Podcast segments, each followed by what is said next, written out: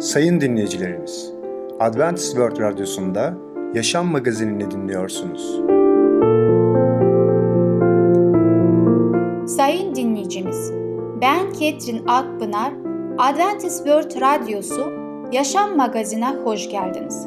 Sizinle birlikte 30 dakika boyunca olacağım.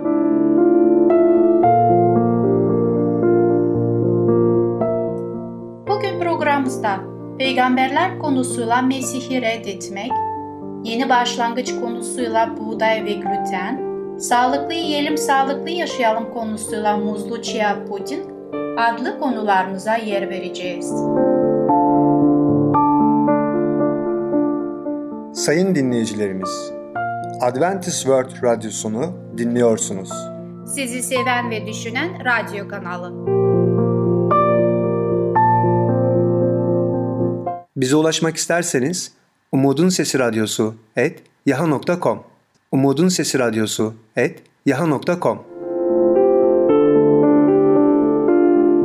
Şimdi programımızda Mesih'i reddetmek adlı konumuzu dinleyeceksiniz.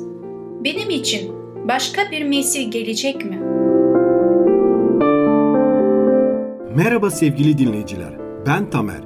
Peygamberler programına hoş geldiniz. Bugün sizlerle neden Mesih hakkında konuşacağız. Sevgili dinleyiciler, bazı kişiler şu soruyu sorarlar. İsa Mesih'e neden inanayım? Neden onu bir Mesih olarak kabul etmeliyim? Tabii ki bazı insanlar İsa'ya neden iman etmeleri gerektiğini sorgulayabilirler. Ama ben de şunu düşünüyorum ki eğer isterseniz bu konuda birçok neden bulabiliriz. İnanmak için en temel neden Mesih inancının gerçek oluşudur. Ayrıca de hak din olmasıdır. Kutsal kitapta okuduklarımızdan tarih kitaplarına kaydedilmiş herhangi bir olayın gerçekliğinden emin olduğumuz kadar tarihsel olarak da emin olabiliriz. Psikolojik yönüyle insanların en derin gereksinimlerinin Mesih inancının nasıl tatmin edildiğini görebiliriz. Felsefi bakımından Mesih inancı yaşamın nihai anlamının ne olduğunu gösterdiği için çok büyük bir tutarlılığa sahiptir. Ama hepsinden önemlisi Mesih inancının gerçek olmasından çok İsa Mesih'in gerçek olmasıdır. Ve biliyoruz ki onu yüce yaratan, tek olan Allah görevlendirdi ve onu o gönderdi. Var olan her şeyin hem kaynağı hem de idame ettirendir Yüce Allah ve o Efendimiz İsa Mesih'i bizim için kurtarıcı olarak gönderdi. Bir Mesih olarak gönderdi. İsa gerçeği öğretmiş, gerçeği kusursuz bir şekilde yaşamıştır. Ne kadar onun hayatını incelerseniz inceleyin tek bir günah bile, tek bir kusur bile göremeyeceksiniz. İsa Mesih güvenebileceğimiz otoritedir. İzlememiz gereken Efendimiz'dir. Ona inanmamızın bir diğer nedeni de insanın varoluşunun asaletini, saygınlığını ve özgürlüğünü sadece Mesih inancının açıklayabilmesidir. Ve Yüce Allah kutsal kitap aracılığıyla bize bunu açıklamaktadır. Kutsal kitap yalnızca hepimiz Allah yarattığını için bu yanımızla diğer hayvanlarla benzemediğimizi apaçık söylüyor. Ama aynı zamanda farklıyızdır. İnsanlar Allah'ın benzerliğine yaratılmışlardır ve yaratılışımızın amacı onunla paydaşlık içinde olmaktır. Bundan daha yüksek ve asil bir çağrı olabilir mi? Eğer dünyada Allah olmadan yaşasaydık çılgın bir rastlantının ve ayakta kalma mücadelesinin çocukları olurduk o zaman. Kader ve rastlantının elinde piyonlar olurduk. Eğer Allah olmasaydı yaşamın nihai anlamı imkansız olurdu. Ayrıca de biliyoruz ki bazı düşünürler mesela Bertrand Russell'in çaresiz ümitsizlik veya Friedrich Nietzsche'nin hiçlik veya Jean-Paul Sartre'nin anlamsızlık duygularına kapılırdık. Eğer Allah yoksa insan yaşamının değeri, asaleti ve saygınlığının bir temeli de olmayacak. Mesih inancı insanlara Allah'ın suretini taşıdıklarını göstererek insanlığın doğru konumuna yeniden kavuşturur. Tüm insanlar olması gereken bu gezegenin prensleri konumuna getirilmektedirler. Sık sık İsa Mesih'in hizmeti paramparça olmuş insanlara asalet ve onurlarına geri vermeyi içeriyordu. İsa bir seb gününde sinagoga öğretiyordu. Orada 18 yıldır sakat olan bir kadın vardı. İki büyüklüğümdü ve bir türlü doğrulamıyordu. Kamburdu. İsa onu göründüğünde ön tarafa çağırdı ve ''Ey kadın hastalığından kurtuldun'' dedi. Sonra ellerini kadının üzerine koydu ve kadın hemen doğruldu ve Yüce Allah'ı övdü. Sinagogun yöneticisi ateş püskürerek halka çalışmak için altı gün vardır. Bu yüzden seb günü değil o günlerden gelip iyileşin demişti. Ama bakın Efendimiz İsa Mesih ne dedi? Ey iki yüzlüler her biriniz sep günü öküzünü ya da eşeğini ahırdan çıkarıp su içmeye götürmüyor mu? Öyleyse İbrahim'in evlatlarından olan ve şeytanın 18 yıldır tutsak tuttuğu bu kadın kendisini bağlayan şeylerden sep gününde kurtululmamalı mı? diye yanık verdi. Gerçekten sevgili dinleyiciler, Yüce Allah'ın yarattığı seb gününde insanlara iyilik yapmak en güzel şeylerden birisidir. Ve Efendimiz İsa Mesih tam bu örneği bize gösterdi. İsa Mesih insanların koymuş olduğu dinsel törelere karşı çıkarak ve hastalarla dışlanmışları arayarak insan yaşamının asaletini ve onurunu çok açık bir şekilde göstermiştir. İnsanların çoğunun neden inandıklarını konusunda deneyimsel bir öğe de vardır. İsa Mesih'in bizlere bütün hayatımız boyunca aradığımız bir sevgiyle sevdiğini gördük. Mesih bizi kayıtsız, şartsız seviyor. Bizleri hiçbir zaman bitmeyen ve sona ermeyen bir sevgiyle seviyor. Size bir olayı anlatacağım. Bakın bir baba hakkında bir çocuk ilerleyen yaşlarıyla dikkate alırsak nasıl düşünüyor? Babasını nasıl tarif ediyor? 4 yaşında babam her şeyi biliyor. 5 yaşında babam çok şey biliyor. 6 yaşında benim babam senin babandan daha çok şey biliyor. 8 yaşında babam her şeyi bilmiyor. 10 yaşında babamın gençliğinde her şey çok farklıymış. 12 yaşında aslında babam bu konuda hiçbir şey bilmiyor. 14 yaşında babama kulak asma o artık çağ dışı. 21 yaşında babam mı? Aman tanrım o hiçbir işe yaramaz. 25 yaşında Babam bu konuda az da olsa bir şeyler biliyor ama o yaşta bir insanın bu konuda bir şeyler bilmesi normal zaten. 30 yaşında. Bu konuda babamın fikrini alsak iyi olur. O kadar deneyimli ki 35 yaşında. Babama sormadan hiçbir şey yapmam. 40 yaşında. Acaba babam bu konunun üstesinden nasıl gelirdi? Ne kadar akıllı ve deneyimli bir insandı. 50 yaşında. Babamın yanımda olması ve bu konuda bana akıl vermesi için neler vermezdim.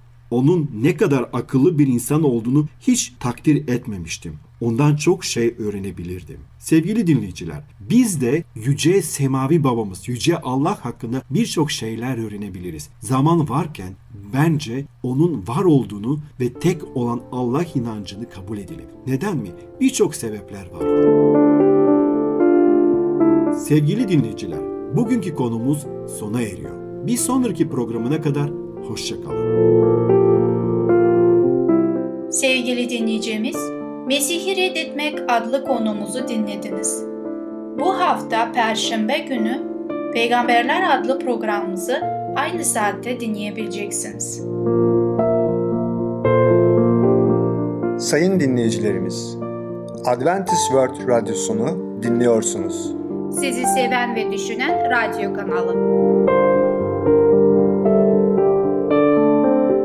Bize ulaşmak isterseniz Umutun Sesi Radyosu et yaha.com Umutun Sesi Radyosu et yaha.com Şimdi programımızda Buğday ve Gluten adlı konumuzu dinleyeceksiniz. Buğday ve gluten gizli bir zehir midir? Herkese merhaba, ben Fidan. Yeni başlangıç programımıza hepiniz hoş geldiniz. Bugün nasılsınız bakalım? Umarım hepiniz çok iyisinizdir ve sağlıklısınızdır. Bugün sizlerle birlikte buğday ve gluten hakkında çok önemli bilgiler öğreneceğiz. Evet, bütün gün tükettiğimiz buğday ve glutenler bakalım sağlığımız açısından Ne kadar yararlı, ne kadar zararlı. Tüm bunlara gelin hep beraber göz atalım. Öyleyse yavaş yavaş programımıza başlayalım mı? Ne dersiniz? Gizli düşman gluten. İşin kötüsü yediğiniz simitten böreğe, ekmekten pizzaya ve makarnaya kadar bu gizli düşman her yerde. Beyin insanlık tarihinin hiçbir döneminde bu kadar çok glutene maruz kalmadı. Üstelik bu ilkel buğdayda olduğu gibi tolere edebileceğimiz bir gluten de değil. İnsan organizması yeni glutenin değişen moleküler yapısını tanımıyor ve sindiremiyor. Tanımadığı bu yapıya karşı da reaksiyon gösteriyor. Gluten tahammülsüzlüğü hep çölyak hastalığı ile ilişkilendiriliyor. Bu son derece eksik bir bilgi. Doğru, bu hastalığın arkasında gluten intoleransı yatar. Hatta önemli belirtilerinden biri depresyon olan çölyak hastalığı ilk olarak 1950'lerde genetiği değiştirilmiş buğdayla birlikte hayatımıza girmiştir. Cüce buğdaydan önce çölyak diye bir hastalık yoktu. Yanlış olan ise çölyak hastası olmayanların glutene karşı hassasiyet geliştirmeyeceğinin düşünülmesidir. Halbuki birçok kronik hastalığın arkasında gluten hassasiyeti yatar ve aslında evrimsel olarak tanımladığımız bu gluten hepimizde hassasiyete neden olur.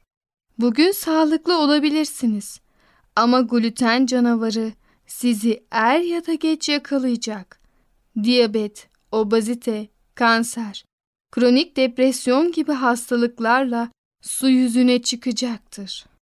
Sık sık peki ilkel buğday yani siyez buğdayı yesek olur mu sorusu ile karşılaşıyoruz. İlkel buğdayda gluten var ama modern buğdayın içindeki glutenden daha farklı. Ben bunu şu örnekle açıklıyorum. İlkel buğdayın içindeki gluten elindeki sopayla sizi kovalayan bir mağara adamı gibidir. Yakalarsa dövecek. Ama saklanabilir, kaçıp kurtulabilirsiniz. Kaçamazsanız sopayla vuracak kafanıza. Genetiğine müdahale edilmiş modern buğdayın içindeki gluten ise modern bir asker gibi. Ağır silahlar, gece görüş gözlükleri, bombalar taşıyor.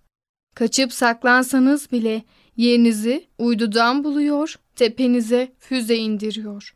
Birisi kafanıza sopayla vururken öbürü füzelerle, bombalarla saldırıyor. Yani modern buğdaydan kaçamadığınız gibi bir de verdiği hasarın ilkel buğdayın verdiği hasarla alakası yok. Çok daha yıkıcı. İnsanoğlu siyez, kavılca gibi ilkel buğday türlerini binlerce yıl boyunca tüketti ve bugün görülen sıklıkta bir gluten intoleransı ile karşılaşmadı. Ama önemli bir noktaya dikkatinizi çekmek istiyorum. İnsanlık tarihi boyunca günümüzde görüldüğü kadar ekmek ve buğday ürünleri tüketilmemiştir. Tarihsel süreçte insanoğlunun diyeti ağırlıklı olarak yağ, protein, sebze, meyve ve sınırlı miktarda buğdaydan oluşuyordu. Yani siz ilkel buğdayı da alıp bu kadar işlemden geçirir, katkı maddeleri ve hazır maya ile doldurur. Daha sonra da bu kadar çok tüketirseniz yine sağlıklı beslendiğinizi söylemek mümkün olamaz. Evet sayın dinleyicilerimiz. Bugün de yavaş yavaş programımızın sonuna doğru gelmiş bulunmaktayız. Evet, bugün de sağlığımız açısından çok önemli bilgiler öğrendik. Öncelikle bizler birer buğday topluluğuyuz. Yani sürekli ekmek tüketen bir topluluğuz. Öyle değil mi? Fakat vücudumuz ve sağlığımız bu şekilde yanıt vermiyor. Çölyak hastası olmasak bile gluten sağlığımızı tehdit edebilir. Bu yüzden ne kadar az glutenli ve buğdaylı yiyecekler tüketirsek bizim için o kadar yararlı olacaktır. Evet, temel besinlerimizi kesmeniz gerektiğini söylemiyorum. Yanlış anlamayın. Ama bunun yerine gereksiz abur cuburlar, pastalar, şekerlemeler, bu tarz şeyleri bile hayatımızdan çıkarmak sağlığımız açısından çok önemli olabilir. Bu yüzden lütfen buğday ve gluten kullanımlarımıza dikkat edelim ve sağlığımızı koruyalım. Zaten etrafınızdaki çölyak hastalarına bakarsanız bizlerden yani gluten ve buğday tüketen insanlardan daha sağlıklı bir yaşam sürdüklerini görebilirsiniz. Sakın unutmayın, sağlıklı beslenmek için illaki hasta olmak gerekmez. Bu yüzden şimdiden önleminizi ve tedbirinizi alın. En değerli ve en kıymetli şeyiniz olan sağlığınızı asla ihmal etmeyin. Evet sayın dinleyicilerimiz, bugünlük programımız bu kadar. Bir sonraki programımızda tekrar görüşene kadar kendinize çok iyi bakın ve sağlıcakla kalın. Sevgili dinleyicimiz, Buğday ve Gluten adlı konumuzu dinlediniz. Bu hafta Perşembe günü Yeni Başlangıç adlı programımızı aynı saatte dinleyebileceksiniz. Sayın dinleyicilerimiz, Adventist World Radyosunu dinliyorsunuz. Sizi seven ve düşünen radyo kanalı. İçimi tazeler. Adı uğruna bana doğru yollarda öncülük eder. Karanlık ölüm vadisinden geçmeme bile kötülükten korkmam. Mezmurlar kitabında 23. ayet 1'den 4'e kadar. Bize ulaşmak isterseniz Umutun Sesi Radyosu et yaha.com Umutun Sesi Radyosu et yaha.com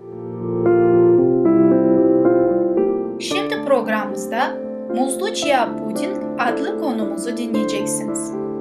Chia'nın faydaları ve değerleri nedir? Merhaba sevgili dinleyicimiz. Sağlıklı Yiyelim Sağlıklı Yaşayalım adlı programımıza hoş geldiniz. Ben Ketrin. Bugün sizinle birlikte mutfağımda zaman geçirmekten çok mutluyum. Sizi bugün tanıştırmak istiyorum yeni bir tarifiyle. Muzlu chia puding. Günlük lif ihtiyacını karşılamak onun işi. Vücudu toksinlerinden arındırmaya yardım etmek, enerjik ve tok tutmak ise diğer meziyetleri. Bununla bitmiyor. Protein ihtiyacı karşılıyor, bağışıklık sisteminin güçlenmesine destek oluyor kendileri. Bu minik, bu minik mucizenin ismi hiç şüphesiz tohumu. Durur muyuz? Hayır. İçinde chia tohumları olan yumuşacık bir puding yaptık mı? Tabii ki hemen. Un yok, şeker yok, yağ yok. Pişirme derdi dersin o da yok. Hafiflik var, sağlık var bu tarifte. Pudingi hazırlarken soya sütü, pirinç sütü gibi sütleri kullanabilirsiniz. Pudinginizi tatlandırmak için agave ya da akça ağacı şurubu gibi ürünleri de tercih edebilirsiniz. Sütten başka beyaz olmayan içine rafine şeker girmeden hazırlanan muzlu chia pudingi tarifimiz şu sloganları atıyor. Her şey sağlık için. Bu kadar bilgi yeter. Artık hangi malzemeleri kullanacağız onlara bir bakalım. Evet, malzeme listemiz şudur.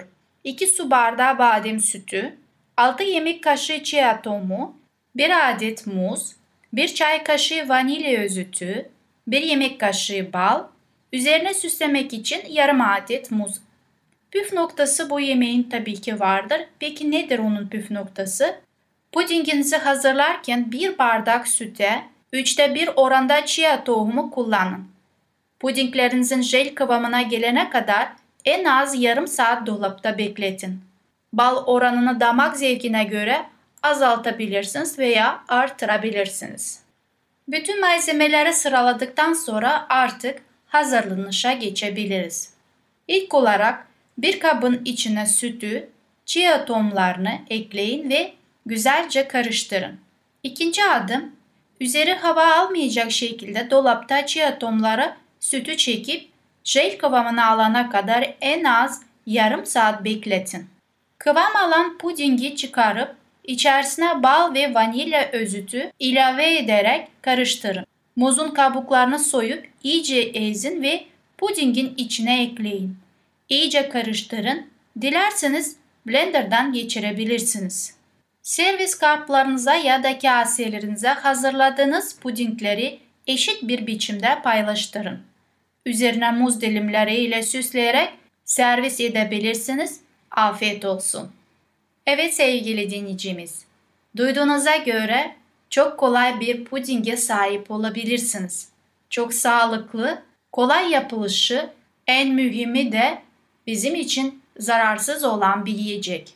Bugün sizlerle birlikte chia tohumunu kullanmış olduğum tarifede. Bundan dolayı onun faydalarına bakmak istiyorum hep birlikte. Chia tohumunun bu denli ünlü olmasına arkasından her derde deva faydaları geliyor. Güney Amerika'dan çıkıp dünyaya yayılan bu ünlü sayesinde birçok diyete kullanılmaya başlandı. Özellikle sabah kahvaltılarında ve öğle yemeklerde sıkça tüketiliyor. Minik boyutlarına aldanmayın. Onu faydalı hale getiren birçok neden de var. Chia tohumunun faydalarını bir bir sıralamaya başlayacağım. Chia tohumunun 100 gramında 17 gram protein bulunuyor. Bu nedenle muhteşem bir protein kaynağı olarak anılır. Yapılan bir araştırmaya göre cildi yaşlanma karşıtı belirtilerini azaltıyor. Cildin genç ve parlak olmasına yardımcı oluyor. İçeriğinde antioksidan sayesinde düzenli kullanımda etki yaratıyor. Chia tohumları tam bir fiber lif deposu. Kilo kontrolü sağlandığı ve zayıflama yardımcı olduğu biliniyor. Chia tohumu da liflerce oldukça zengin. 100 gramda yaklaşık 15 gram fiber yani lif bulunuyor. Yine liflerce zengin olması nedeniyle bağırsak hareketlerin düzenlenmesine yardımcı oluyor. Düzenli kullanımında kabızlık, gaz gibi problemlerin gidermesine destek oluyor. İçerinde bolca bulunan omega 3 asitleri sayesinde beyni korur, kanserli hücrelerin oluşumunu engellemeye görevinde bulunuyor. Chia tohumu iyi kolesterolü artırırken kötü kolesterolü düşürmesine yardımcı olur. Enerji verir ve sık sık acıkmanızın önüne geçerek tatlı ihtiyacınızın önüne geçer. Böylelikle kilo vermenize de yardımcı olur. Kan şekerin dengelemesine yardımcı olur. Diyabet hastalığın oluşumunun önüne geçmede yardımcı bir besindir ve diyabet hastaların rahatlıkla kullanabileceği yapıdadır. Kalsiyum bakımından da zengin olan chia tohumu kas gelişmene yardımcı olur. Düzenli kullanımda ulaşabileceği kas kalıplarını ilerleyen yaşlarda yaşlanınca yaşanacak kemik erimesi gibi hastalıkların da önüne geçilmesini sağlar. İçinde bol miktarda kalsiyum ve A vitamini bulunduğu için diş sağlığına da oldukça faydalıdır. Dişlerinizin ihtiyacı olan kalsiyum ve vitaminleri düzenli kullanımda karşılar. Sağlıklı olmalarına yardımcı olur.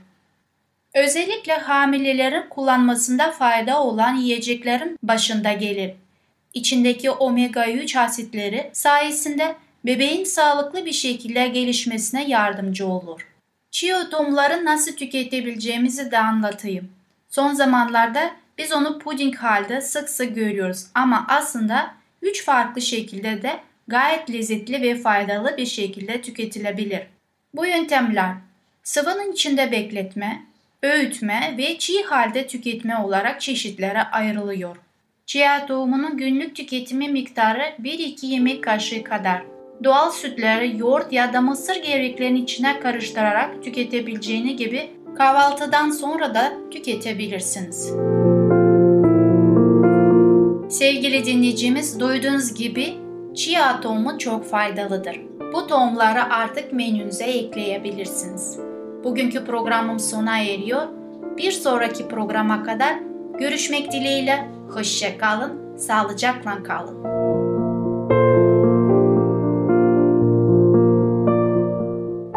Sevgili dinleyicimiz, Muzlu Chia Puding adlı konumuzu dinlediniz. Bu hafta Perşembe günü Sağlıklı Yiyelim, Sağlıklı Yaşayalım programımızı aynı saatte dinleyebileceksiniz.